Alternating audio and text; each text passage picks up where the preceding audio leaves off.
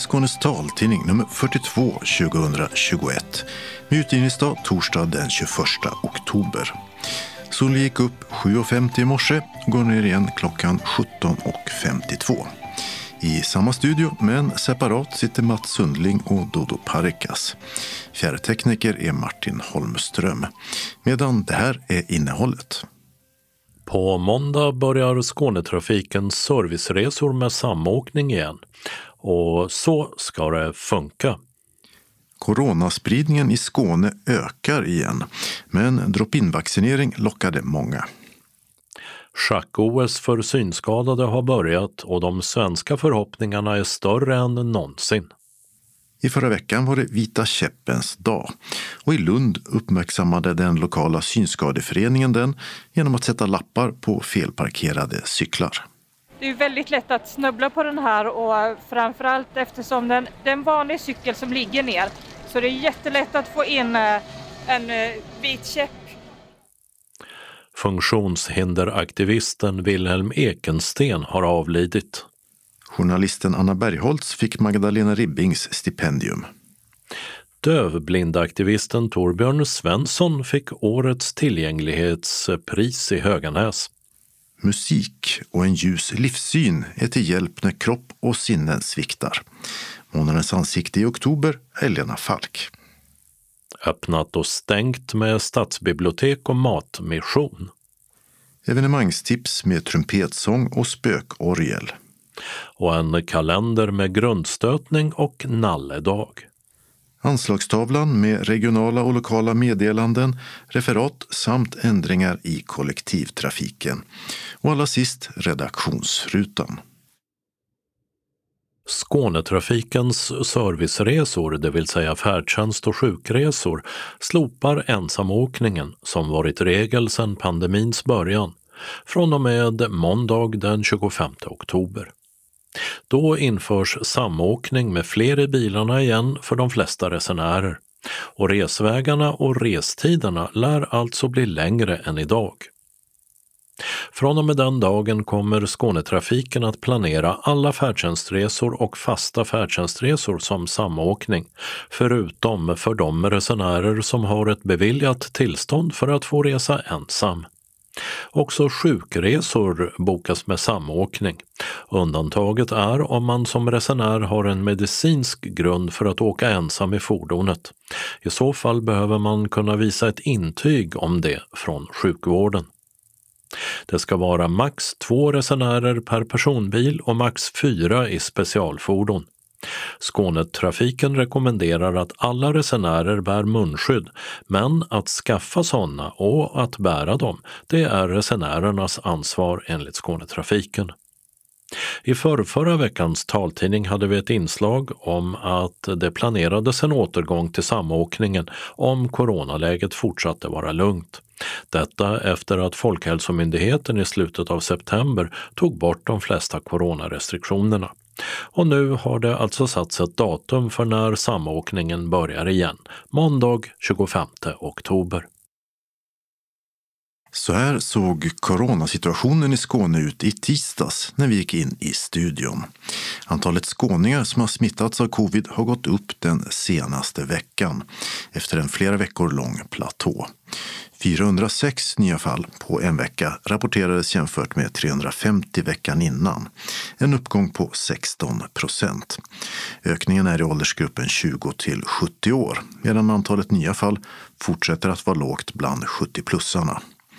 Samtidigt ökade antalet inlagda på sjukhus med covid något till 25 personer i tisdags. Det är förstås mycket färre än i somras.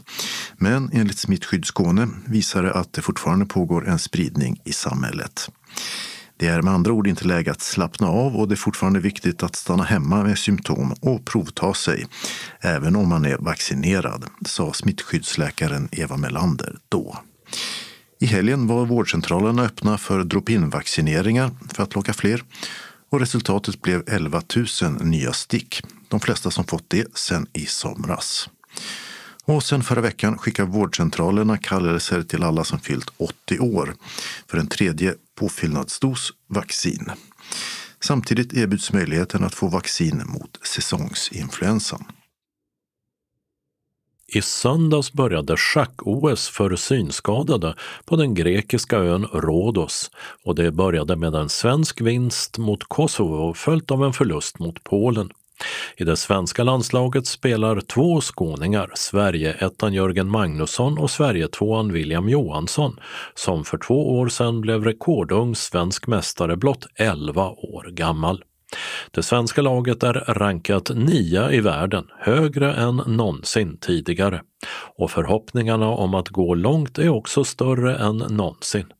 Vi fick tag på Jörgen Magnusson via en lite skakig telefonförbindelse för att höra om det gått som de hoppats.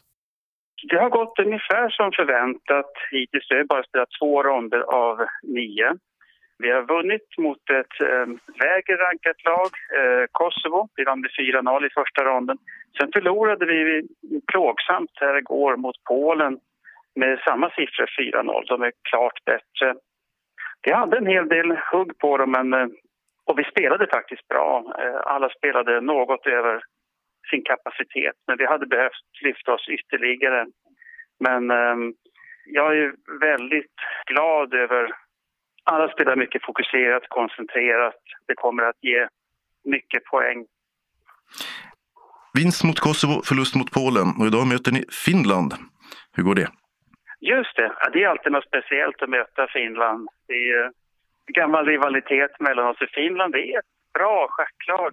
Vi är lite starkare på pappret och jag hoppas att vi kommer vara det även i verkligheten. Så vi, vi kommer att gå för klar seger idag, men vi måste ha stor respekt och ödmjukhet för dem. Um, just nu så sitter alla spelarna och förbereder partiet och vi börjar klockan 15. Så det är fullt fokus och hård satsning på att vinna den här matchen. Vi behöver vinna den för att verkligen se till att vi kommer upp. Kanske att vi kan placera oss bland de fem, sex bästa i bästa fall. Mm. har en bra chans. Det skulle vara det bästa resultatet någonsin för ett svenskt lag.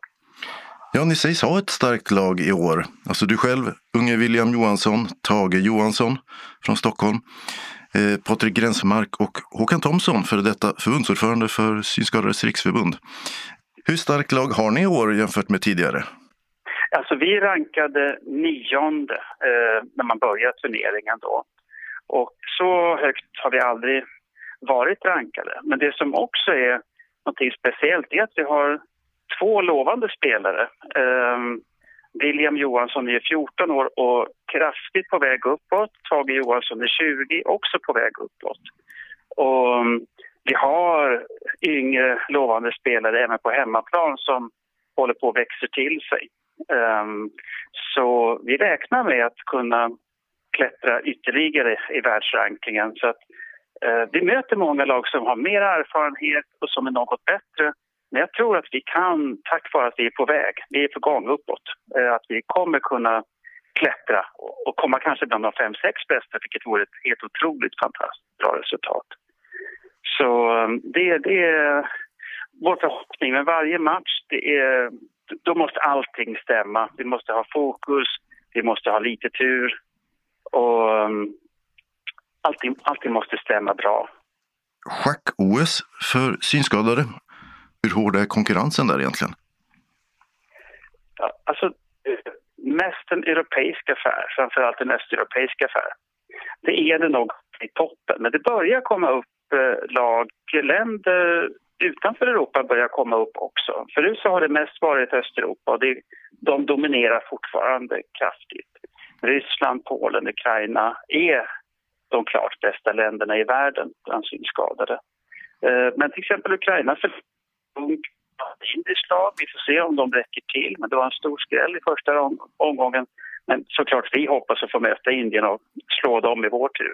Så vi är också på väg uppåt. Men um, samtidigt så kan man se att det är många länder som har svårt att få nya spelare. Förr i tiden så lärde sig många schack på specialskolor och såna här saker. De finns i mindre och mindre utsträckning. Vi jobbar jättemycket för att få in nya spelare och och har faktiskt mycket alltså, nybörjare, nya spelare och yngre spelare som kommer. Och vi vill väldigt gärna att fler tar kontakt med oss och, och kommer med, för det är så vi bygger framtiden. Men vi kan se att många länder det får svårt. Många västeuropeiska länder som traditionellt har varit starka. Vi kan se här, Storbritannien är inte här den här gången. Irland är inte här, Belgien inte heller, Nederländerna, inte Norge, inte Danmark. Så vi ser en, en förskjutning medan andra länder som Indien då är på väg framåt. Så att kartan håller på att um, målas om av, av, många olika skäl kan man säga. Ni välkomnar eh, nybörjare sa du. Då får du kanske chansen att berätta. Schack för synskadade, vad skiljer det från så kallat vanligt schack? Schack är ju en tävlingsform där man faktiskt kan konkurrera på rätt lika villkor med seende. Alltså betydligt jämnare än om det hade varit eh, löpning eller simning eller sådär till exempel. Um, det är klart, en seende spelare har ett överläge. För att som synskadad så känner man på brädet, man har ett bräde med hål i och så att man kan sätta ner pjäserna i, i de här hålen så att de sitter fast och man kan känna på brädet. Um, det är lite svårare att få överblick när man känner än om man um, tittar på brädet. Och många som är synsvaga de blir istället tröttare i ögonen eftersom man tittar koncentrerat under många timmar och sådär. Så det skiljer sig förstås, eh, förutsättningarna. Men eh, om man får bra med schackmaterial, vi försöker ge våra spelare lite extra mycket coachning och träning och stöd så att man ska kunna kompensera för de här nackdelarna man har. Då kan man faktiskt eh, komma ut, spela vanliga klubbar på ett integrerat sätt. Och på det sättet så har schack många olika fördelar förutom själva tävlingen och att schack är ett otroligt kul spel. Sa Jörgen Magnusson från den 16 upplagan av eh, schack-OS för synskadade som den här gången alltså hålls på Rhodos. Tävlingen håller på till och med tisdag nästa vecka. Reporter Mats Sundling. I fredags var det Vita käppens dag som i Skåne uppmärksammades i Helsingborg och Lund. SRF Helsingborg Höganäs samlade 11 medlemmar och fick medbevakning av både Radio Malmöhus och Helsingborgs Dagblad. Medan Skånes taltidning följde fyra av SRF Lundabygdens medlemmar när de under en solig eftermiddag lappade elsparkcyklar och vanliga cyklar på stan och fick både ursäkter, beröm och bortförklaringar. Bo Brandin var en av dem som var med i Lund. Det är mer att folk ser oss alltså. När vi kommer där då med vita käppar. Så folk lägger ju märke till oss. Folk är ju rätt så nonchalanta annars när man kommer bara med vit käpp. Alltså själv. De viker inte undan. Tänker inte på att vi har käppen för att vi ser dåligt ju. Och det kan ju vara att man ser inte den man möter va? och då blir det ju krock ju. Om inte den personen flyttar sig ju. Så därför så eh, behövs det ju mer upplysning egentligen om käppen. Hunden respekterar dem mer ju. Och nu har du både hund och käpp. Ja, just det. Så, nu kommer jag ifatt dig. Du heter? Jag Hans Simonsson. Vi behöver synas. Är vi flera stycken som går i klunga så syns vi ju. Med hundar och käppar. Det är viktigt att synas. Nu rör jag mig mycket ute så jag tror att vi syns ändå men... Eh, och du heter? Cecilia. Vilken Vita käppens dag är det i ordningen för dig? Jag har tappat räkningen. Sörkanten. Sörkanten. Jag har ett önskemål då eftersom han intränar på vissa rundor ja. att man går dem så inte han blir förvirrad. Ja. Botusplatsen, Bothusgatan, H&M och så går man över Stora Södergatan och sen höger så upp till Fiskargatan, går ner den. Gravbrödersgatan, så går man ner Klostergatan så, så kan man komma ner till stationen. Ja men det låter som en bra runda. Linje 7 mot Östertorn via Botullsplatsen. Med buss så tar vi oss från Klostergården där SRF Lundabygden har sina lokaler och in till Lunds centrum. Kanslisten Desiree Forsman delar ut gula lappar med rubrikerna parkeringspåminnelse och vit käpp lika med visa hänsyn och informativa texter om vad som är viktigt att tänka på för den som inte är synskadad. Som till exempel att parkera en elsparkcykel så att den inte är i vägen för den som inte ser. Eh, så det är såna där gula ja. parkeringspåminnelse. Det finns ju tyvärr allt för många elsparkcyklar som eh, är felparkerade. Så ni siktar både på vanliga cyklar och elsparkcyklar? Framförallt elsparkcyklar är det ju. Det är oftast de som eh, ställs och slängs mitt i gatorna. Eh, och där är ett cykelställ och de brukar ställa cyklarna ut i ledstråket där så där kan man ju se om man hittar några cyklar och ja. lappa. Ja. Här stolpen jättebra. Hur var det Cecilia, skulle du inte lappa några eller? Alltså jag har käppen i ena handen och hunden i andra. Och sen så är han ju dresserad att passera cyklarna så att jag märker inte dem. Men det gör de andra deltagarna. Hans Simonsson hittar cykel efter cykel utanför cykelställen och Desiree sätter också lapp på en cykel. Och den här är ju väldigt olyckligt för eh, det är väldigt lätt att snubbla på den här och framförallt eftersom den, det är en vanlig cykel som ligger ner så det är jättelätt att få in eh, en eh, vit käpp bland ekrarna på hjulet och också då vara på väg att snubbla och ramla. Ja, men lycka till ja. ja, tack ska du ha. Fick du hålla en liten lektion där? Ja. Mm. Vad var det som hände? Nej, alltså han var väldigt vänlig och han, eh, man undrar vad jag letade efter när jag eh, försökte eh, kolla cyklarna och hur de stod. Och så berättade jag om att det ibland står cyklarna över ledstråken här. Och det hade han uppmärksammat också. Men han var inte på väg att ställa sin cykel där? Han letade efter en cykelparkering men han visste vad ledstråket var så att han tänkte inte sätta den över det. Han informerade andra cyklister. Ja, det sa han ju. Ja att eh, de ställde cyklarna fel. Så sa han till dem. Du Bo har inte hittat någon att lappa än?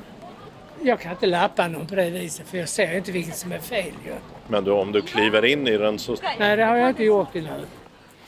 Intill väggen utanför Åhléns står en elsparkcykel och mannen som ställt den där blir generad, ber om ursäkt för sin parkering och får en gul informationslapp av Hans. Ska du köra? Va? Ska du köra eller du ska stanna här? Sitta. Här, kör. Jaha, ja, jag ber så hemskt mycket om ursäkt. Jag ber så, du kan få en sådan också. Och lä, läsa denna när du kommer hem. Jag önskar dig lycka till. Ja, tack. Och det var inte alls någon mening att störa er. Har du blivit utskälld någon gång också? Nej. Jag har inte gett mig in, in i, i några ungdomsgäng. Eh, vi ska över till Gråbrödersgatan som är den som går till höger här framme. Där måste jag fråga dig. Den där är fastsatt på utsidan av ett cykelställ och jäms med den. Det är också fy. Ja, det är ett cykelställ som den ska vara inne i. Men jag tror det här var fler felparkerade sparkcyklar. Det var bara en hittills. Ja, och han bad om ursäkt också. Ja. Han skulle bara in i butiken. Min första elsparkcykel för idag är lappad och klar. Fast det är väl ett gott tecken att slippa lappa så många? Visserligen är det det, men eh, jag misstänker att eh, det här är nog bara ja, lite så tur i oturen. För eh, jag vet hur det brukar vara i Malmö och jag tror inte Lund är så mycket bättre. Här har vi en till till exempel och den står ju väldigt dumt. Den står rakt ut. På Klostergatan, där är det plötsligt ett gytter av vanliga cyklar utan en tillstymmelse till cykelställ. Ja, eh, det ser ifrån det här hållet inte särskilt bra ut, nej. En hel del att göra.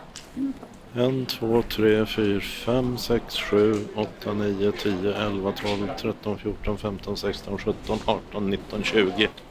Det går åt gula lappar i massor. En engelsktalande tjej får förklarat för sig vad som pågår. Hon tog sin cykel och sa att hon ska parkera den någon annanstans. Om inte annat så blir det upplyst.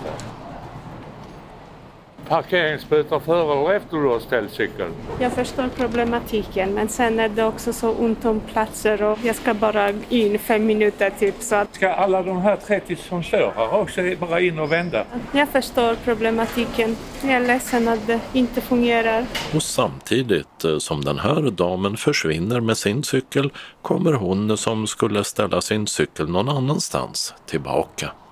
It's very nice that you raise awareness. I had never thought about it and it's so obvious, but great. Hörde du? Nej, jag förstod det inte. Hon sa att hon tycker att det är jättebra att ni gör det här för det höjer medvetenheten. Hon har själv aldrig tänkt på det och nu gör hon det. Ja. Jo, det, det fastnar kanske hos någon. Ja, fortsätta framåt. Jag tror inte att folk ställer cyklar eller slänger dem för att jäklas med någon. Det här är ju helt klart obetänksamhet och okunskap. Man vet inte vilket problem det ställer till för oss med synnedsättning och därför gör man det för att man ska bara in och handla där eller man ska bara ja, lämna någon sak till någon kompis eller så och så ställer man bara cykeln istället för att ställa in den i ett cykelställ eller cykelgarage. Det måste vara konsekvenser när man gör fel alltså. Till exempel? Ja, böter ju. Det är det enda som hjälper ju, när det kostar pengar. Men du är ändå med? Vi ska visa oss, synskadade ska visa upp med våra vita käppar och hundar och sånt. Avslutade Bo Brandin som tillsammans med Cecilia Linderoth, Hans Simonsson och Desiree Forsman gjorde stan osäker för lundensare som felparkerat sina cyklar eller elsparkcyklar. Där de sistnämnda alltså var förvånansvärt få. Reporter var Dodo Parikas. Funktionshinderaktivisten Wilhelm Ekensten har avlidit i sitt hem i Lund. Själv synskadad med rörelsehinder hade han en lång bana som debattör, teoretiker och expert i statliga utredningar. Inte minst i arbetet för LSS, lagen om stöd och service för vissa funktionshindrade och assistansreformen som kom på 80-talet. En reform som Ekensten ofta beskrivs som en avgörande kraft bakom. I debattboken På folkhemmets bakgård från 1968 utmanade han den bristande tillgängligheten och handikappolitiken som han menade präglades av välgörenhetstänk och auktoritära attityder. Och mycket av det han tänkte då blev senare verklighet. Bland annat var det Ekensten som myntade begreppet funktionshinder och med det synen att samhället har ett ansvar för tillgänglighet och delaktighet på lika villkor. Wilhelm Ekensten satt i många år i Lunds funktionshinderråd och var ordförande för intressegruppen för assistansberättigade till förra våren. 2015 blev han hedersdoktor vid Lunds universitet. Det är ingen överdrift att säga att han har revolutionerat svensk funktionshinderpolitik, stod det i motiveringen.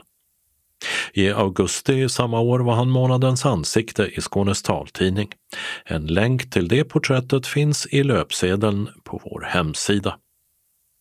Wilhelm Ekensten blev 80 år. Journalisten, poddaren, föreläsaren, författaren med mera, Anna Bergholtz har fått 2021 års stipendium från Magdalena Ribbings minnesfond. Bergholtz, som är blind, får stipendiet för sitt arbete mot diskriminering och för att hon värnar ett samhälle där mångfald och funktionsvariation tillvaratas och ses som en tillgång, som det står i motiveringen. Och så här kommenterar Anna Bergholtz stipendiet i ett nyhetsbrev, citat. Magdalena Ribbing är för många känd som experten på vett och etikett, men hon hade också ett stort engagemang för mänskliga rättigheter och var en gång i tiden politisk reporter på Dagens Nyheter. Jag är så glad över att få stipendiet. Det visar verkligen att mitt arbete gör skillnad och att frågor om funktionsnedsättning är viktigt. Minnesfondens ändamål är att i Ribbings anda stödja journalistik och andra insatser för mänskliga rättigheter. Själv har Anna Bergholtz, som var månadens ansikte i Skånes taltidning i juni 2018, nyligen återupptagit podden I mörkret med där hon och Ulf Nordqvist, musiker och ägare till restaurang Svartklubben i Stockholm, intervjuar kända personer i en kolmörk studio. Torbjörn Svensson från Höganäs har fått årets tillgänglighetspris från DHR Höganäs för sina insatser för att uppmärksamma situationen för dövblinda. Han kom som ett yrväder till Höganäs utan någon svångrem. Han ser möjligheterna i svårigheterna och är positiv, säger DHR-ordföranden Bengt Silverstrand till Helsingborgs Dagblad. Priset har delats ut sedan 2015 och Torbjörn Svensson säger att han är väldigt ärad över att få det. Prissumman, 4 000 kronor, ska gå till golfsatsningen, den senaste utmaningen i hans Deaf Blind Challenge. Som vi berättat tidigare planerar Torbjörn Svensson nästa år att spela 18 hål på 18 olika golfbanor och tidigare utmaningar har varit att paddla över Öresund och cykla från Treriksröset till Smygehuk. Strax innan jul fyller hon 75 år. Hon är blind sedan många år tillbaka och hör mycket dåligt och har flera andra funktionsnedsättningar, men ser positivt på livet. Hennes intressen är många och en vanlig syn i Lund för några år sedan var att så gott som dagligen se henne tillsammans med sambon Bernt Lundin komma trampande på tandemcykel. Månadens ansikte i oktober är Lena Falk som visar in i sitt kombinerade sov och arbetsrum i lägenheten som är belägen centralt i Lund. Jag har det både, både stökigt och trångt och, och så, men det är mitt som är så. Jag tycker om att sitta här för då har jag nära till min dator och, allt möjligt. Torsdag 30 september, notering. Det är det första jag kollar på morgonen när jag sätter på datorn och så tar jag upp kalendern. Torsdag 30 september, notering. Tab. 14.00. Intervju med Skånes taltidning. Ja, Där var den. det var du där ja. Vad betyder det att ha en dator för dig? Nu? Åh, det är jättemycket. Det är där jag läser och skriver. Och sen har jag en kalender i punktskrift. Och jag ser att eh, du har en punktskriftsskrivare här också. Den är väldigt fin. Den är röd med gröna tangenter. Ja, tyckte jag var så roligt när jag fick den. Du har aldrig varit rädd för teknik, att lära dig nytt? Nej, det har jag ju inte. Jag provar på och så får vi se om det går. Ja, med Mårtenstorget och saluhallen bara en liten bit bort bor Lena Falk sedan 37 år tillbaka i sin lägenhet. Och här bor också hennes sambo Bernt. Sovrummet som vi gör intervjun i har utsikt mot en stor lummig gård men det är en del nivåskillnader som gör att det börjar bli svårare att ta sig fram nu när de går sämre än tidigare. Vi gör intervjun med hjälp av att Lena har en mikrofon hängande kring sin hals. Jag har en likadan. Och på så sätt så kan Lena höra vad jag säger. Och ett viktigt fortskaffningsmedel för Lena har fram tills för några år sedan varit tandemcykeln som hon och sambon Bernt ofta cyklade på. Åh oh, ja, det har vi liksom gjort i alla år. Det var jätteroligt. Vi cyklade ju långt också när vi var unga och friska som jag säger. Cyklade Lomma och till Malmö, till Dalby, alltså runt om på långa sträckor. Så vi cyklade dagligen och jag tror folk kände igen oss i stan. Det var nästan ingen annan som hade tandem, alltså inte som cyklade så regelbundet som vi har gjort. Men sen eh, så har du eh, arbetat på bibliotekstjänst. Hur länge har du gjort det? Eh, där var jag 36 år ungefär. Eh, det var mitt första enda riktiga jobb jag har haft. Och det var en fantastiskt rolig, trevlig arbetsplats. Alltså när jag hade slutat skolan och sådär och visste inte riktigt vad jag skulle göra. Så sökte jag ett par jobb som jag inte fick och, och det är jag tacksam för för de hade jag inte velat ha nu idag. Utan eh, nej, så ringde de från bibliotekstjänst för de sökte någon person som skulle kunna komma omedelbart till dem. Ja, så fick jag det för det var ju biblioteksarbete, tidningar och sånt som jag tyckte om. Har jag alltid tyckt om att läsa och skriva och sådär. Men eh, med tanke på att du inte ser och eh, hör ganska dåligt, fick du mycket hjälp? Nej, alltså på den tiden då hörde och såg jag mycket bättre. Men efterhand som jag jobbade där så om jag blev sämre på något sätt så, så hjälpte de alltid till på företaget att jag skulle få en ännu bättre hjälpmedel. Och jag fick gå på um, Hadar i Malmö. Jag fick lära mig um, punktskrift och allmän datateknik och sådär. Men du var en av de första som eh, fick börja jobba med dator också, kanske bland Ja, faktiskt. När mm, man började med datorer och så, så eh, fick Bibliotekstjänst till att börja med fem datorer. Och en av de fem fick jag. så jag var en, nästan pionjär då. Det var jättekul. Var det svårt att lära sig den? Nej, det var bara roligt. Jag fick till och med um, arbetskamrater från andra avdelningar. De kom in i små grupper in i mitt rum och ville titta på när jag visade dem hur man skrev. Det var ju så enkelt. Man skrev mening och blev det fel. Det var så lätt att radera ut det. Då innan datorn då fick man använda sån här Tipp-X, kommer du ihåg? Det här var ju mycket enklare med datorn, att man bara klickade på några knappar och så raderades det ut och så skrev man det på nytt. Och du sitter framför din dator nu och fingrar lite på den när du berättar ja, om hur du fick lära dig. Bifogad fil. Oläst. ICA Supermarket Linerotor. Riksförbundet Hjärt-Lung. Enter. Vad betydde arbetet för dig? Mycket. Och det var en väldigt trevlig arbetsplats. Och låg omsättning på personalen så vi lärde ju känna varandra väldigt väl, både chefer och andra. Om du skulle beskriva dig själv, hur ser du ut? Oj. Ja, ja jo, jag vet, jag är inte så lång. Jag är 1,54 numera. Jag har haft, varit 1,57 så jag krymper en aning med åren. Och smal.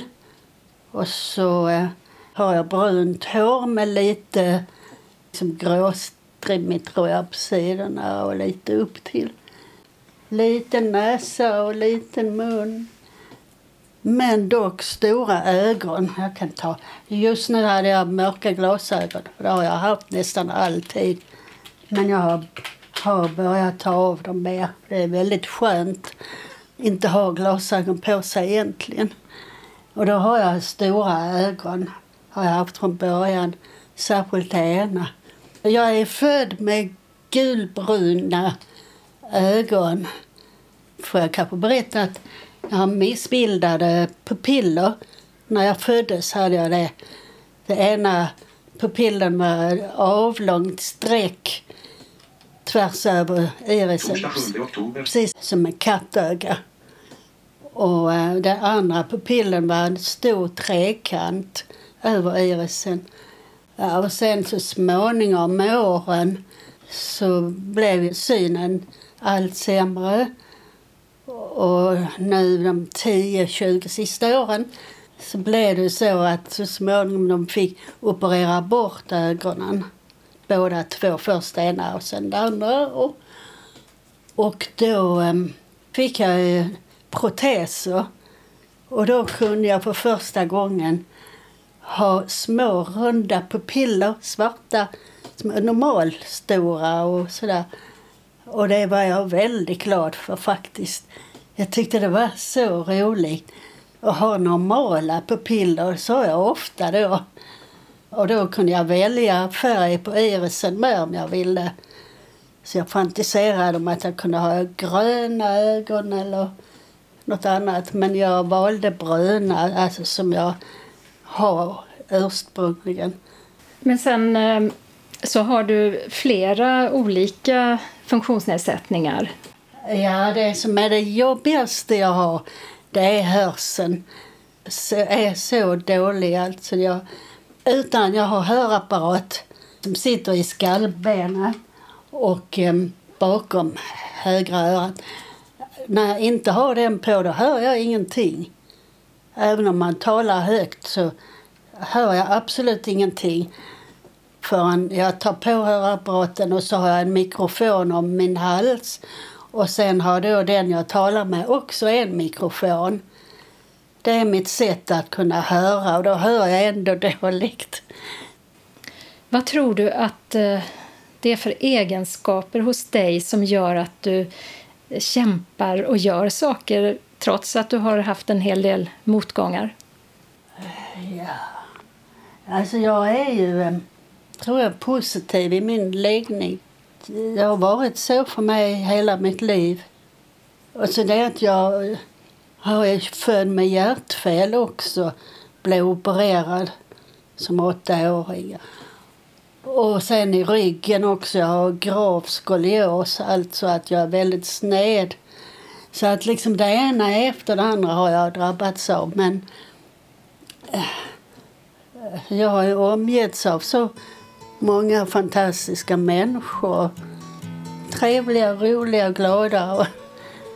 Och, då måste jag ju bli det också automatiskt. Here comes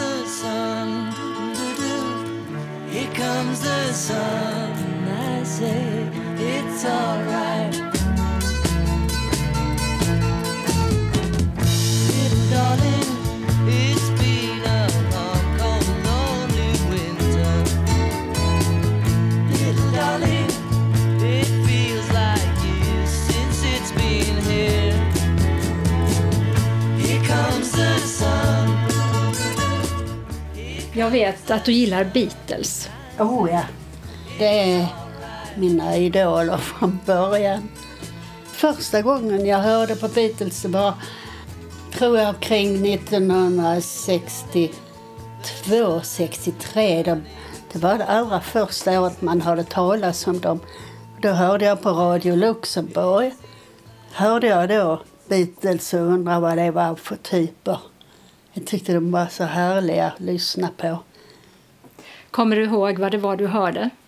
She loves you var ju klart. Det var den allra första. Det var nog den som alla människor hörde från början.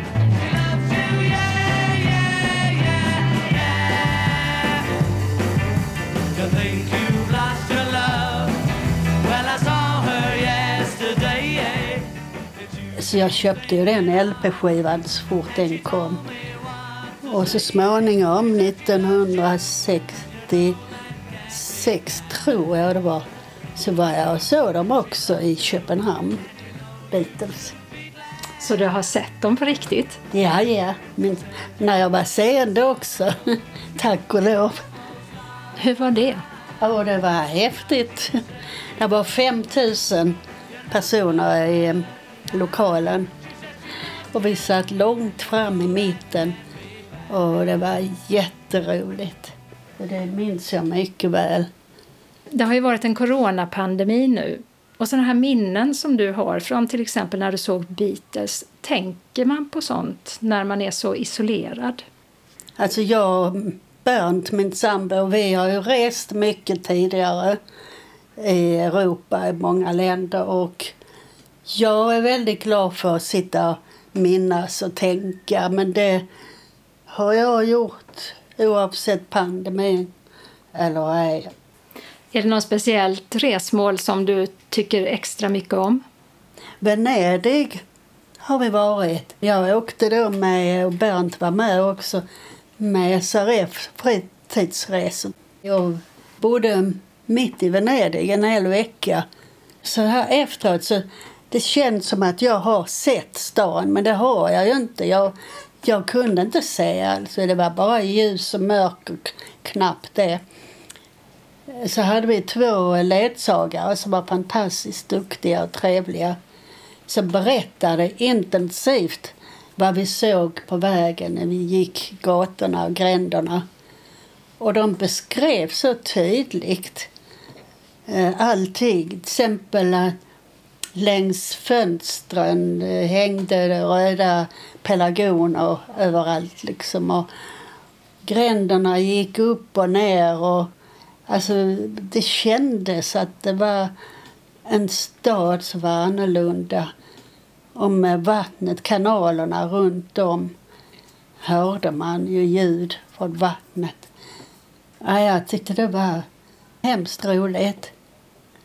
Några dagar efter vår intervju så ringer Lena Falk upp och vill berätta just om ett starkt minne från en resa som de gjorde till den lilla ön Hiddensee utanför Stralsund i Tyskland. På ön finns i princip inga bilar. Den är lång och smal med hav runt omkring. Och redan när de kom av båten så hördes ett märkligt sålande ljud. Det var massvis med grodor i en damm som lät. Hon och Bernt hyrde en tandemcykel och minns speciellt en utflykt som de gjorde. De cyklade till spetsen av ön och kunde följa solen på dess nedgång i havet. Det här var på 90-talet och Lena hade fortfarande lite ledsyn kvar och kunde se solen som ett rött klot gå ner i havet. Hennes bror som är arkitekt gjorde en taktil karta av ön som han gav till Lena och som hon fortfarande tar fram ibland och så minns hon just den här resan. Ett annat starkt minne långt tillbaka i tiden det är när hennes mamma berättade om hennes födelse. Vad jag fick veta när jag blev lite större, som min mor berättade, så berättade hon en gång att eh, när jag var alldeles nyfödd så sa barnmorskan, mor hade då, Ja, fru Persson vet väl att eh, hon kommer nog att bli blind. Och Mor blev chockad och hon visste inte vad jag säger människan. Ja, hon har missbildade ögon och så vidare. Så när Mor kom hem hon var ju alldeles förtvivlad. Men eh, hon ringde till en professor Larsson som var första professorn på ögonkliniken här i Lund, den första ögonkliniken och det var 1946 eller 47 någonting. Och eh, pratade med honom, sa det, frågade om det var möjligt, kunde jag bli blind? Så fick vi komma till professorn efter ett par dagar och han sa nej, nej, fru Persson, det är det ingen som vet någonting om. Och förresten så vet personen om Lena blir sjuk eller så så blir det hennes charm när den tiden kommer. Alltså han var väldigt tröstande och, och, och, och snäll mot mor. Mor sa att det var fantastiskt att träffa denna professor. Ja, sen så gick åren och men jag blev inte blind då med detsamma som hon trodde barnmorskan. Utan det var först när jag var 47 år. Då hände den första chocken att min syn nästan försvann hastigt. Men jag fick tillbaka lite, lite syn. Men det var liksom det jag kände att nu är det liksom kört. Men jag har ändå klarat mig relativt bra och det var nog tack vare min mor också som jag tycker har varit jätteduktig. Alltså hon, det är nog hon som har gett mig det där positiva. Hon var alltid eh, ja, glad och hon var bra mot mig i alla fall. Men det finns också mycket planer för framtiden. Inte minst att hitta en lägenhet som passar dem bättre nu. Men också att återuppta en kär sysselsättning som Lena Falk gått på i många, många år. Det har jag saknat nu under pandemin. Vi har inte haft keramik nu på nästan två år, ett och ett halvt år. Alltså jag har gått på det 15-20 år i en um, keramikcirkel för synskadade. Och det är jätteroligt. Jag älskar att hålla på med händerna. Jag är mycket för det liksom. Ta. Det ska förmodligen komma igång nu till eh, våren igen. Och Lena visar med sina händer hur hon älskar att hålla på med lera. Och när jag ska gå då ser jag hennes skivsamling ute i hallen. Och var de olika Beatles-skivorna står, det har Lena helt klart för sig. Och det finns så många berättelser kring dessa väl använda skivor. Den, är den vit? Nej. Jo, den är vit. Helt vit, ja. Ja, det är den. Det är en fin skiva också. Och så är det ett nummer på den. The Beatles och ett nummer skulle det vara. Ja! Mm. 04849115. Ja.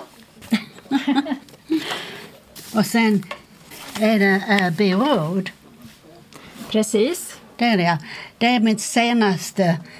För jag hade alla de andra. Men inte den som var deras allra sista skiva. När de var Beatles liksom. Men du är ett riktigt fan då? Ja, jag var det i alla fall. Jag är inte så... Och jag samlade på allt möjligt. Det var ju tidningar och broschyrer. Och, och sen stickade jag själv en, en eh, stor tröja där jag skrev Beatles på ena hela sidan. Där är en låt som jag hör ibland, rocklåt som heter Twist and Shout. Så här riktigt häftig. En gång låg jag på ortopeden på sjukhuset, blev opererad i ryggen. Och så hade jag Beatles-skivor på sjukhuset och grammofon. För jag låg där väldigt länge. Så, och då hade jag en kompis och hon spelade den skivan. Ibland gjorde hon så, satte på den på det högsta nästan. Så lämnade hon salen och där låg jag själv i sjuksängen och kunde inte flytta mig eller ta bort skivan. Men det var så häftigt. Och det var just den låten. Det var så roligt liksom.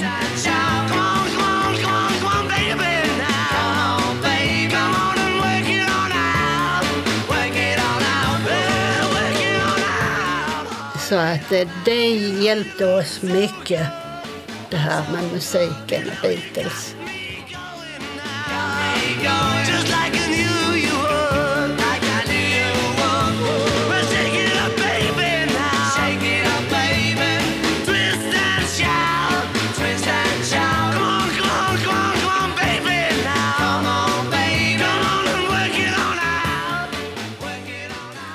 Sa Lena Falk från Lund som var månadens ansikte i oktober. Och det var Åsa Kjellman Erisi som hade träffat henne. Öppnat och stängt. I Ängelholm har stadsbiblioteket stängt de tillfälliga lokalerna på Åsbogatan. Den 18 december invigs det ombyggda och renoverade stadsbiblioteket vid Stortorget. I mellantiden hänvisas låntagarna till biblioteksfilialer och bokbuss. I Simrishamn har den nedre delen av Storgatan slutat vara gågata och istället blivit gångfartsområde. Det vill säga att gående har företräde och cyklister och bilister ska hålla gångfart och har väjningsplikt. Och så ska det vara till sommaren 2022. I Kristianstad har barnklädsbutiken Kids Brand Store öppnat i gallerian C4 Shopping. Till en början är det en pop-up-butik men affärsinnehavaren hoppas på att bli kvar även på sikt. I Malmö har matbutiken Matmissionen öppnat på köpcentrat Mobilia. Där kan den som har det knapert och är medlem köpa livsmedel som annars gått till spillo för en tredjedel av vad det brukar kosta. Butiken är ett samarbete mellan Skåne Stadsmission och butikskedjan Willys och den första i Skåne. I Stockholm och Göteborg finns Matmission butiker sedan tidigare. I Malmö har Greek and Street Food öppnat på La Rochegatan 7 nära Lilla Torg. Det är matstället Greens and Street Food med samma förkortning GAS som bytt inriktning till grekisk mat med en liten uteservering. I lokalen låg tidigare bageriet Gastel. I Ystad har JH Matbar öppnat på Stora Östergatan 34. I den lilla restaurangen utan dukar på borden serveras mellanrätter i modern skandinavisk stil. Och I Sjöbo har Länsförsäkringars fastighetsförmedling öppnat i Sjöbäcksfärgs tidigare butik. Istället för färg och tapeter säljs nu villor, lägenheter och fritidshus i lokalerna på adressen Norregatan 29. Evenemangstips. Söndagen den 24 oktober 13.00 till 13.45 anordnas en höstvandring i Slottsträdgården i Malmö. Den är inte syntolkad och kostar 60 kronor. Kulturcentralen säljer biljetter. Eslövs kyrka är platsen för en konsert den 24 oktober 18.00 med kören Eslövs vokalensemble plus en barockorkester och solisterna Staffan Lindgren tenor, Dag Videke bas samt Anna-Gret Nyberg sopran och även dirigent. På programmet står bland annat en Bach-kantat. Det är fri entré. Orkestern Camerata Nordica spelar klarinettkvintetter av Brahms och Mozart 25 oktober 19.00 till 20.30 på Magle konserthus, Magle Stora Kyrkogata 4 i Lund. Ticketmaster säljer biljetter för mellan 140 och 225 kronor. Lunds kammarmusiksällskap är arrangör. Kammarmusik blir det även på Dunkers kulturhus i Helsingborg 26 oktober 12 till 13. Det är studerande från Sundsgårdens musiklinje som uppträder i konsertsalen och det är fri entré. Sång för tre, romans och kabaré är ett program med romantiskt 1800-tal, kabarésånger från 1900-talets början och framåtblickande impressionism med Kerstin Avemo sång, Staffan Mårtensson klarinett och Love Dervinger vid pianot 26 oktober 19.00 i Bistrån på Kulturkvarteret i Kristianstad. Allvarligt talat, livet, hur fan gör man?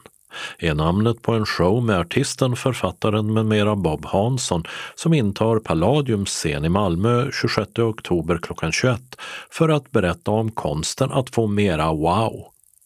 Kulturcentralen säljer biljetter för 415 kronor. I Blå salongen på Hässleholms kulturhus blir det en presentation av åländska författare 27 oktober 19 till 20. Föreläser gör Evi Kalmer och det är fri entré. Föreningen Norden arrangerar. Kunde en kvinna bli trädgårdsmästare kring sekelskiftet 1900? Ja, inte utan problem i alla fall. Trädgårdsantikvarie Boel Nordgren berättar på Kulturen i Lund 27 oktober 18 19.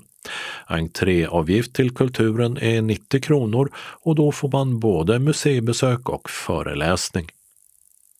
En Selma till kaffet är en serie läskvällar i Sofia Albertina kyrka i Landskrona där publiken kan lyssna till högläsning ur Selma Lagerlöfs noveller.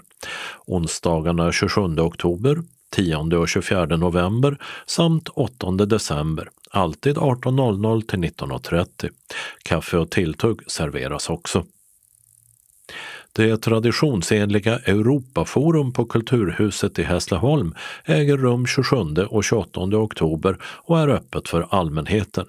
EU-minister Hans Dahlgren inleder 9.45 och sen frågas han ut om höstens hetaste frågor i unionen. 11.15 handlar det om järnvägarnas framtid. Lokalt intresse ligger i att höghastighetståg planeras via Hässleholm. Polen, Ungern och rättsstatsprincipen diskuteras 13.15 och 14.30 är temat Skåne efter pandemin. 28 oktober 9.40 diskuteras hur läget i Afghanistan påverkar EU och 11.00 är Sveriges motstånd mot europeiska minimilöner på tapeten. 13.05 gäller det ungdomars makt i den europeiska demokratin och 14.15 ny asyl och migrationspolitik för EU. Den som vill ta del av programmet på plats ska anmäla sig via hemsidan eu-forum.se. Men programmet kan även följas via Hässleholms Youtube-kanal på nätet. Där behövs ingen anmälan och det pågår på hemsidan hassleholm.se. Projektledaren nås på telefon 0721 93 60 55. Mästertrumpetaren Håkan Hardenberger fyller 60 år 27 oktober. Dagen därpå, 28 oktober 19-20.30 konserterar han på Malmö Live med fransk musik, däribland Betsy Jolas Ons Lieder Ett ord på franska, ett på tyska. 11 sånger där sångstämman ersatts av trumpet. Biljettpriserna varierar mellan 145 och 440 kronor.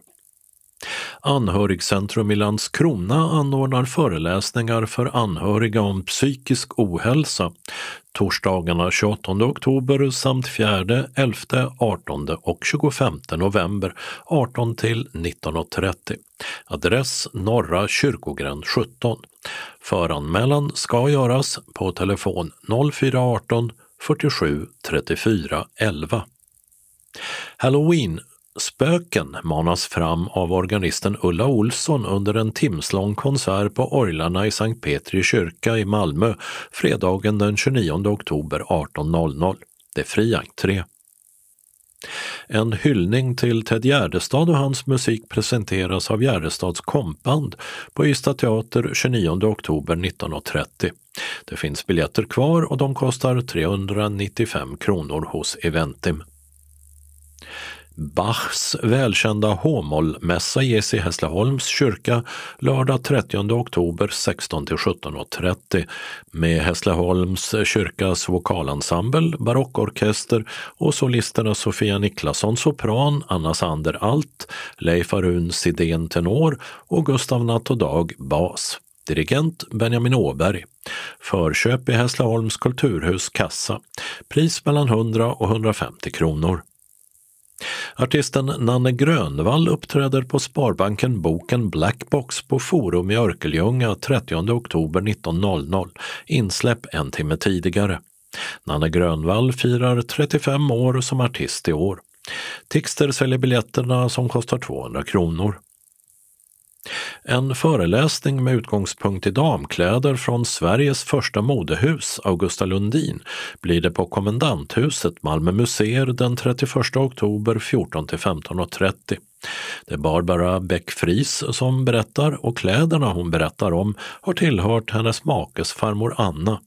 Vem var Anna Bäck-Fries? Hur var det att växa upp på 1800-talet för en ung adlig flicka?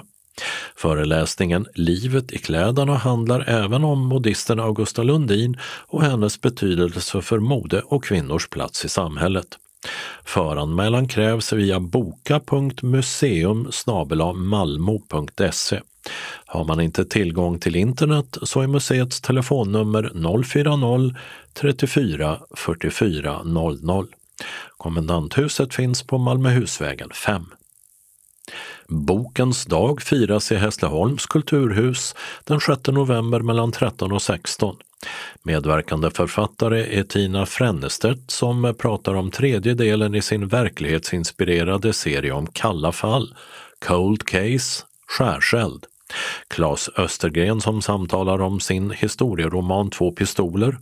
Sara Stridsberg, aktuell med novellsamlingen Hunter i Huskvarna och David Lagerkrans som inlett en ny deckarserie där första boken bär titeln Obscuritas och handlar om fotboll och terrorism.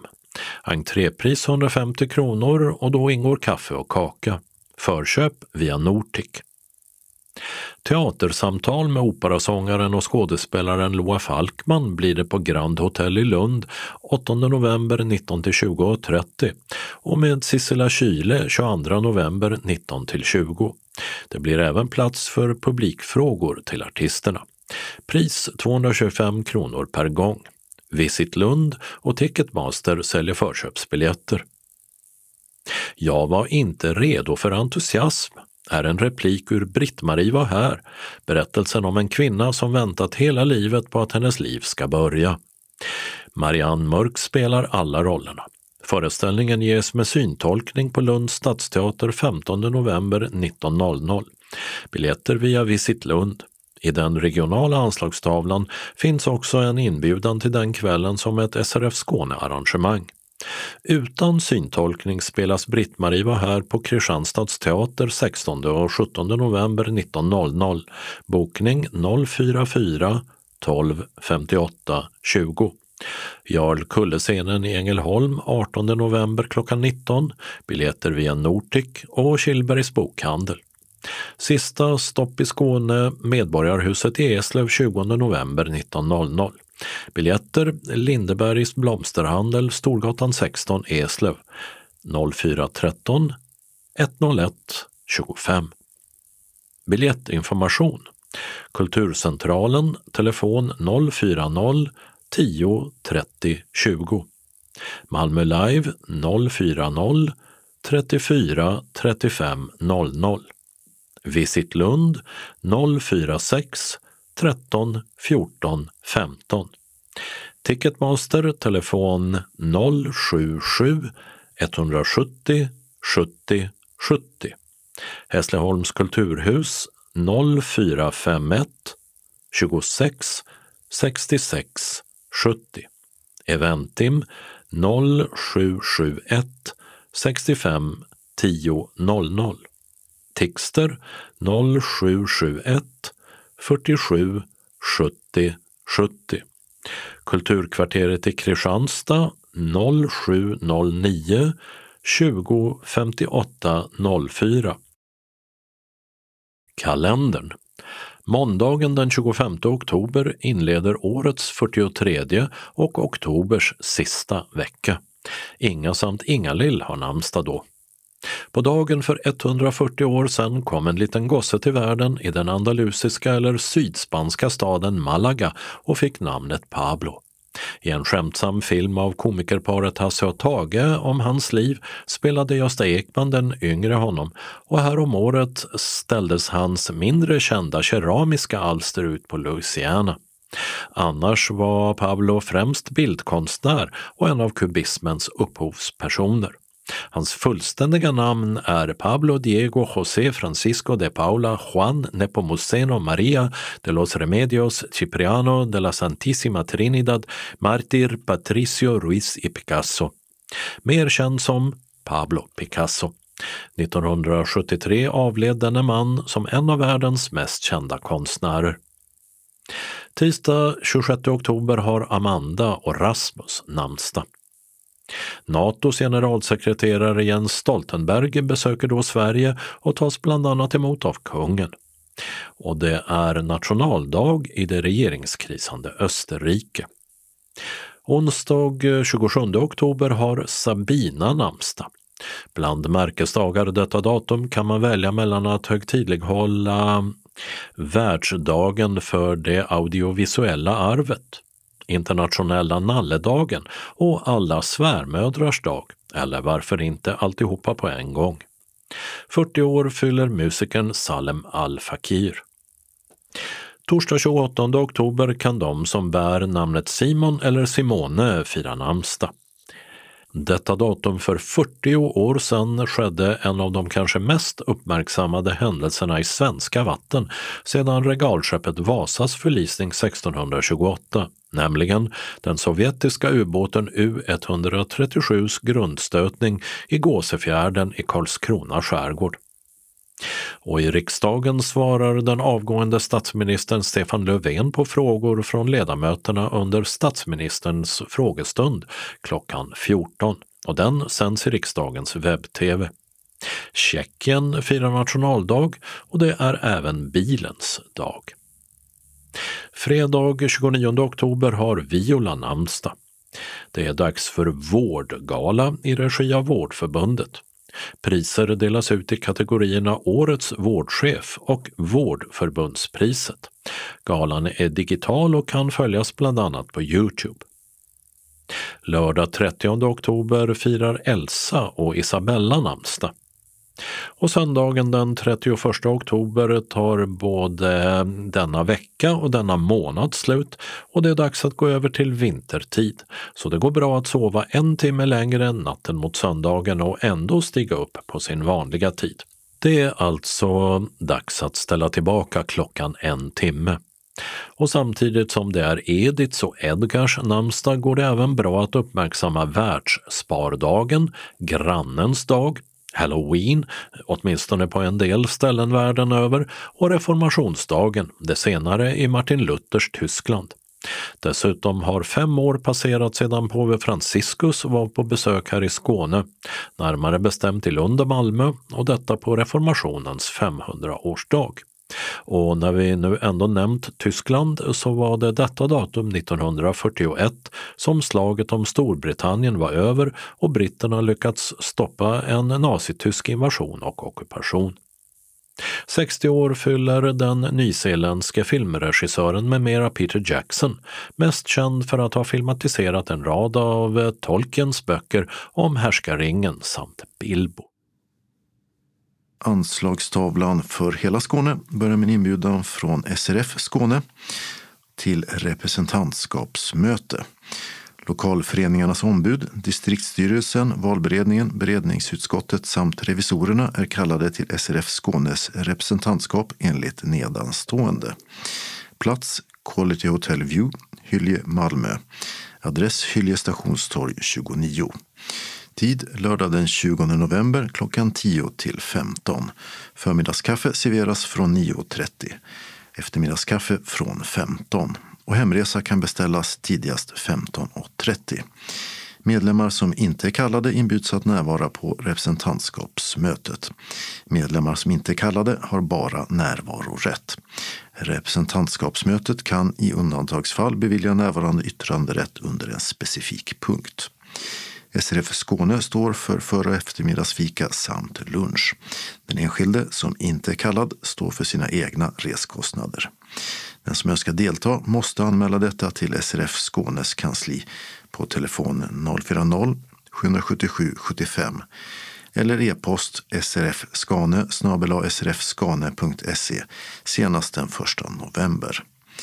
Vid anmälan ska du uppge om du behöver ledsagare, om du har behov av specialkost, har ledarhund eller om det är något annat som är viktigt för oss att veta. Om du har en egen ledsagare med dig får du själv stå för dennes förtäring. Om du önskar handlingarna till representantskapsmötet så meddela detta i samband med anmälan. Som sista punkt på mötet kommer att hållas en presentation av SRF Skånes nystartade podd Ur vår synvinkel. Välkommen hälsar styrelsen för SRF Skåne. SRF Skåne inbjuder också till en syntolkad föreställning av Britt-Marie var här på Lunds stadsteater, Kiliansgatan 13 i Lund, måndag den 15 november klockan 19 med samling klockan 18. Det är en varm komedi med Marianne Mörk i alla roller. En kärlekshistoria om en kvinna som väntat ett helt liv på att hennes liv ska börja. Det är berättelsen om samhällen där fotboll och pizzerior är det sista som överger människorna. Britt-Marie, 63, har just lämnat sitt 40-åriga äktenskap bakom sig och startar upp sitt liv på nytt. Boka färdtjänst till Stadscentralen Lund för ankomst klockan 18 och hemresa blir cirka 21.45 eller senare. SRF Skåne står för reskostnader efter att kvitton inkommit senast tre månader efteråt. Bor du utanför Skåne betalar SRF Skåne endast för kostnaden från länsgränsen. Biljettpriset är 345 kronor. Ledsagare går med utan kostnad. Betala till Bankgiro 484-0989 eller swishnummer 123 312 6299. Glöm ej att skriva ditt och aktivitetens namn. Vill du ha inbetalningsavi så se till vid anmälan till SRF Skånes kansli. Berätta om du har en egen ledsagare eller behöver en från SRF som du då får dela med någon annan. Du får bekräftelse via e-post eller brev och biljetterna delas ut på plats. Har du frågor eller blir försenad den 15 november så ring Maj-Britt Ryman, mobil 070-324 6609. Sista anmälningsdag är måndag den 1 november. SRF Skåne och arbetsgruppen Kultur och fritid hälsar alla välkomna.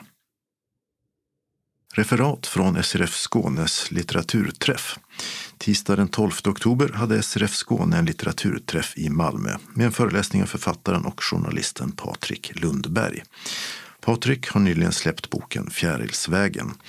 Eftersom föreläsningen skulle kretsa mycket kring denna bok så uppmuntrades deltagarna att läsa den innan träffen. Alla 20 deltagare och fem ledsagare samlades i lobbyn på hotell Sankt Jörgen i Malmö klockan 11.30. Vissa anlände med tåg och andra med färdtjänst. Varje ledsagare hade ett speciellt ansvar för två deltagare vardera. När alla kommit fram började vi med lunch i restaurangen som låg vägg i vägg. Efter maten samlades vi i konferensrummet och då hade föreläsaren anlänt. Ytterligare fem deltagare anslöt via Teams och Patrik Lundberg började med att berätta lite om sig själv och de fem böcker han skrivit. Störst fokus låg på hans senaste bok Fjärilsvägen som skildrar hans mammas liv och hur det tätt sig för en lågutbildad ensamstående mamma. Patrik föreläste i en timme och därefter gavs deltagarna möjlighet att ställa sina frågor.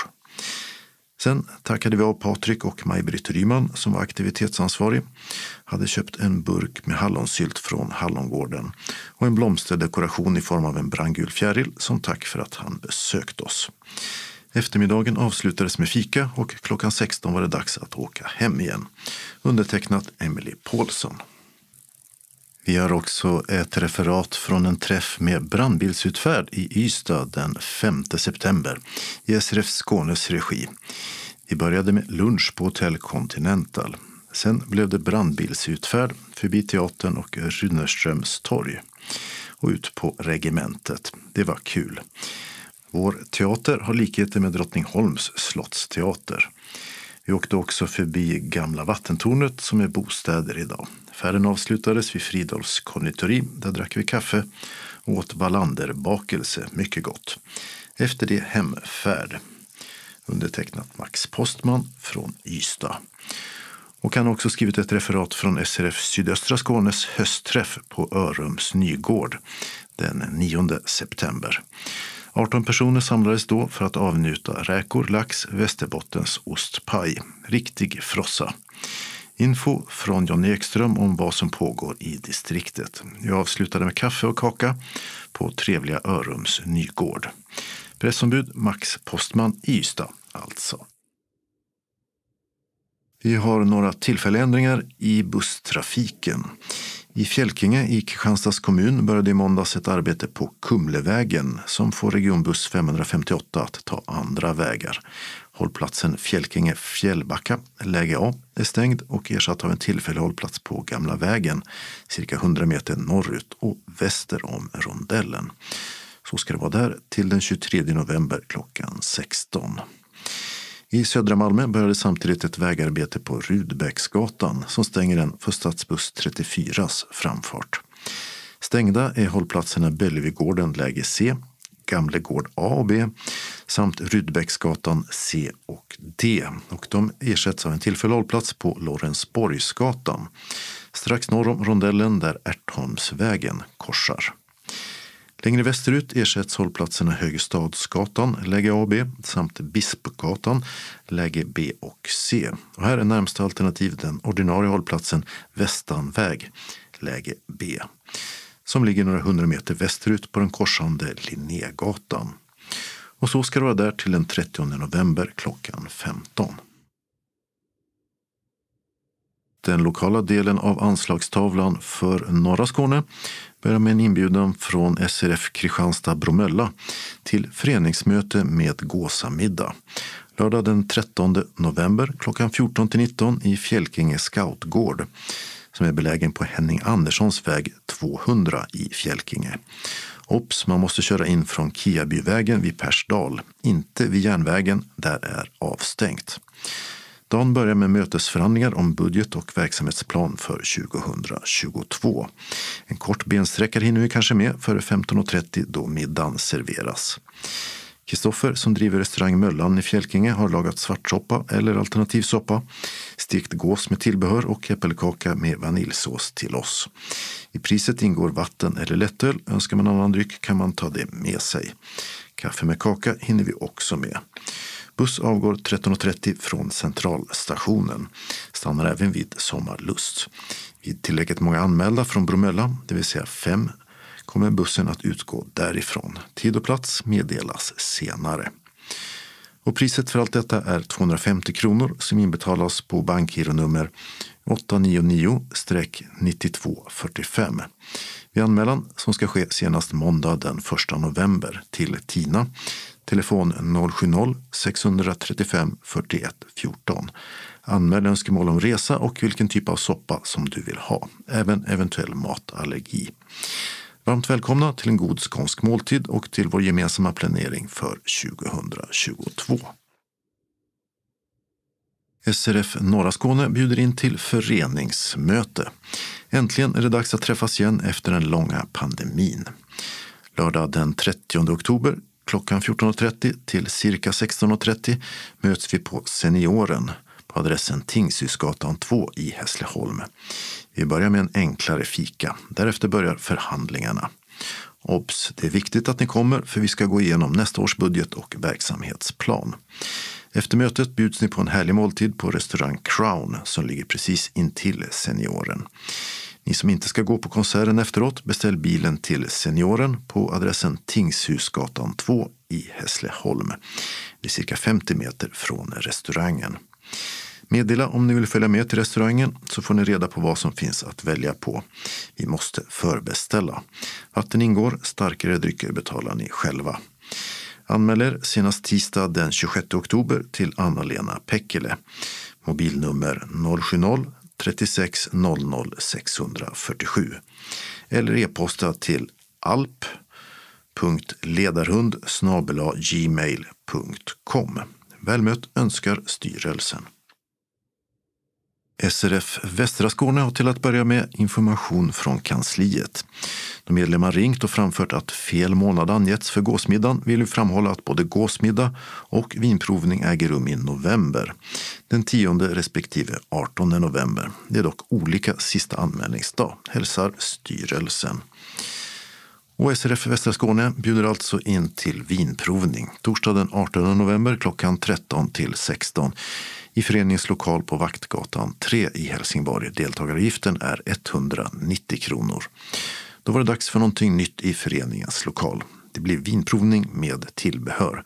Antalet platser är begränsat till 30 personer. Anmäl dig till kansliet på telefon 042 15 83 93 eller e-posta srf.monica telia.com senast torsdag den 4 november klockan 12. Välkommen! SRF Ängelholm Båstad inbjuder härmed till den årliga traditionella gåsmiddagen för våra medlemmar söndag den 7 november klockan 16. I år på Nilssons festvåning i Ängelholm. Adress Rönnegatan 2A. Vi avnjuter en trerätters meny. Den består av förrätt, svartsoppa eller svampsoppa. Huvudrätten gås med tillbehör. Som avslutning den traditionella äppelkakan. Kaffe efter maten ingår, liksom vatten eller lättöl till maten. Det finns möjlighet att köpa till ett vinpaket som består av ett glas sherry, ett glas rött vin med påfyllning samt ett glas portvin som du betalar på plats för 225 kronor. Du betalar som medlem 170 kronor för middagen. Stödjande medlem som är ledsagare till en synskadad betalar samma pris. Övriga som vill delta betalar fullt pris som är 350 kronor. Vi lade en anmälan senast den 1 november. Du anmäler dig till Marianne Jönsson, telefon 0707 10 45 79. Eller mejla Marianne Jonsson 95 2S Jonsson snabel a gmail.com och betala in på bankgiro 5972-8915 eller på swish 123 130 7214. Välkomna önskar styrelsen. Anslagstavlan för sydvästra Skåne börjar med några meddelanden från SRF Malmö Svedala. Först hälsar de välkomna till sin dagverksamhet. Måndag den 25 oktober 13 till 15 blir tidningsläsning och eller frågesport. Och tisdag den 26 klockan 13 till 15.15 15 blir det bingo. Vi serverar kaffe och smörgås eller kaka för 10 kronor. Och vi vill att alla anmäler sig till kansliet på telefon 040-25 05 40. Senast klockan 10 samma dag som aktiviteten. SRF Malmö Svedala bjuder sen in till årets gåsmiddag. Lördag den 13 november klockan 18 firar vi Mårten på Ribersborgs restaurang med adress Limhamnsvägen 27. Vi avnjuter en traditionell gåsmiddag med allt vad det innebär och som medlem i föreningen betalar du 250 kronor. Och för de som inte är medlemmar kostar det 500 kronor. Du betalar deltagaravgiften till bankgiro 192-9645 eller via swish till 123 077 80 50 senast den 5 november. Vill man ha inbetalningskort så meddelar man det vid anmälan. För dig som inte äter svartsoppa finns hummersoppa som alternativ. Vi tar emot din anmälan från och med måndag den 25 oktober klockan 9 på telefonen 040-25 05 40 eller mejl på info srfmalmo.se. Senast torsdag den 4 november klockan 12 vill vi ha den. Glöm inte att ange om du vill ha svart eller hummersoppa. Vi har ett begränsat antal platser så det är först till kvarn som gäller. Hjärtligt välkomna hälsar styrelsen. Och SRF Malmö Svedala påminner också om sin sopplunch på föreningen fredag den 29 oktober klockan 13 då vi bjuder på sparrissoppa och avslutar med kaffe och en liten kaka. Är du medlem i föreningen får du allt det här för 30 kronor. Icke-medlemmar betalar 50. Färdtjänsthem kan beställas till 14.30. Vill du vara med så anmäl dig till kansliet senast tisdag den 26 oktober. Varmt välkomna hälsar styrelsen. Synskadades förening SRF Trelleborg med omnejd bjuder in till årets gåsamiddag lördag den 13 november på Weinberg hotell på Idalavägen 33-5 i Trelleborg. Tid klockan 18 till 21. Styrelsen hälsar alla medlemmar välkomna till årets gåsmiddag. Detta år blir det en femrätters gås med krås i en gammal Skånelänga utanför Trelleborg. Restaurangen är belägen i gårdens orangeri som är omgiven av vinrankor och en upplyst lummig trädgård. Föreningen subventionerar denna middag så alla eventuella alkoholhaltiga drycker betalar du själv. Pris 200 kronor per medlem och ledsagare. Deltagaravgiften betalas in på bankgiro 5985-6526. Ange gåsmiddag som referens. Sista inbetalningsdatum är den 3 november. Och sista anmälningsdag är fredag den 29 oktober till Christian eller Fredrik. Christian har mobil 070-846 86 26 och e-postadressen c.andersson412 snabel gmail.com. Fredrik har mobilnumret 073 663 65 42 och e-postadressen fredrik.jonsson snabel sais z-e-i-s.com. Vid en anmälan vill vi veta om du tänker äta svartsoppa eller hummersoppa och om du har någon form av matallergi. Välmött hälsar styrelsen. Anslagstavlan för mellersta och sydöstra Skåne innehåller meddelanden från SRF Lundabygden. Först en inbjudan till Mårtens fest med gåsamiddag lördag den 13 november. Årets traditionsenliga gåsamiddag kommer att hållas på Örestads golfrestaurang på Golfvägen 4 i Lomma. Vi samlas klockan 16 till 20 för att inta en redig skånsk gåsamiddag bestående av svartsoppa eller svampsoppa, gås med tillbehör, äppelkaka med vaniljsås och kaffe. När du anmäler dig så berättar du vilken soppa som önskas. Inbetalningskort kommer att sändas ut inför arrangemanget efter anmälan. Och anmälan gör du till kansliet på telefonen 046-211 06 74. Och vi behöver din anmälan senast den 5 november. Och din deltagaravgift blir 300 kronor. Hjärtligt välkomna. SRF Lundabygden bjuder också in till Seniorshoppen den 19 november. Missa inte chansen att få koll på höst och vintermodet och möjligheten att förnya din garderob. Carita kommer klockan 13 till föreningslokalen på Tordensvägen 4i i Lund och visar upp årets höst och vintermode. Du får även möjlighet att prova kläderna i lugn och ro och samtidigt få Caritas proffsiga råd och tips om vad som passar just dig. Du bjuds på en läcker sallad och det kommer även att finnas möjlighet att köpa vin till självkostnadspris. Cecilia håller i arrangemanget som värdinna och hon kan nås på telefon 070 640 11 23. Du anmäler dig till kansliet på 046 211 06 74 och anmälan behöver vi ha senast den 11 november. Deltagaravgiften är 50 kronor. Hjärtligt välkommen till höstens seniorshop. SRF Lundabygden bjuder till sist in till föreningsmöte och extra årsmöte den 25 november. Det kommer att bli ett av årets viktigaste möten då du har möjlighet att påverka nästa års verksamhet och kostnaden för denna. Vi samlas klockan 18 i föreningslokalen i Lund. Mötet beräknas vara klart klockan 21 och du bjuds på en lättare förtäring och kaffe och en kaka. Handlingarna till mötena kommer att sändas ut till dig som anmäler dig. Och det gör du till kansliet. Din anmälan behöver ha senast den 4 november. Välkommen! Och med det sagt var det dags att sätta punkt för veckans Skånes taltidning. Nästa nummer kommer nästa torsdag den 28 oktober. Skånes taltidning ges ut av Region Skånes psykiatri och habiliteringsförvaltning. Ansvarig utgivare är Martin Holmström. Postadress Jörgen Ankersgatan 12, 211 45 Malmö. Telefon 040-673 0970. E-post Skanes taltidning snabela skane.se och hemsida skanestaltidning.se. Observera att CD-skivorna inte ska skickas tillbaka till oss. Såväl skivor som kuvert kan läggas i brännbara sopor när ni inte längre vill ha dem. Vi hörs igen. Hej då!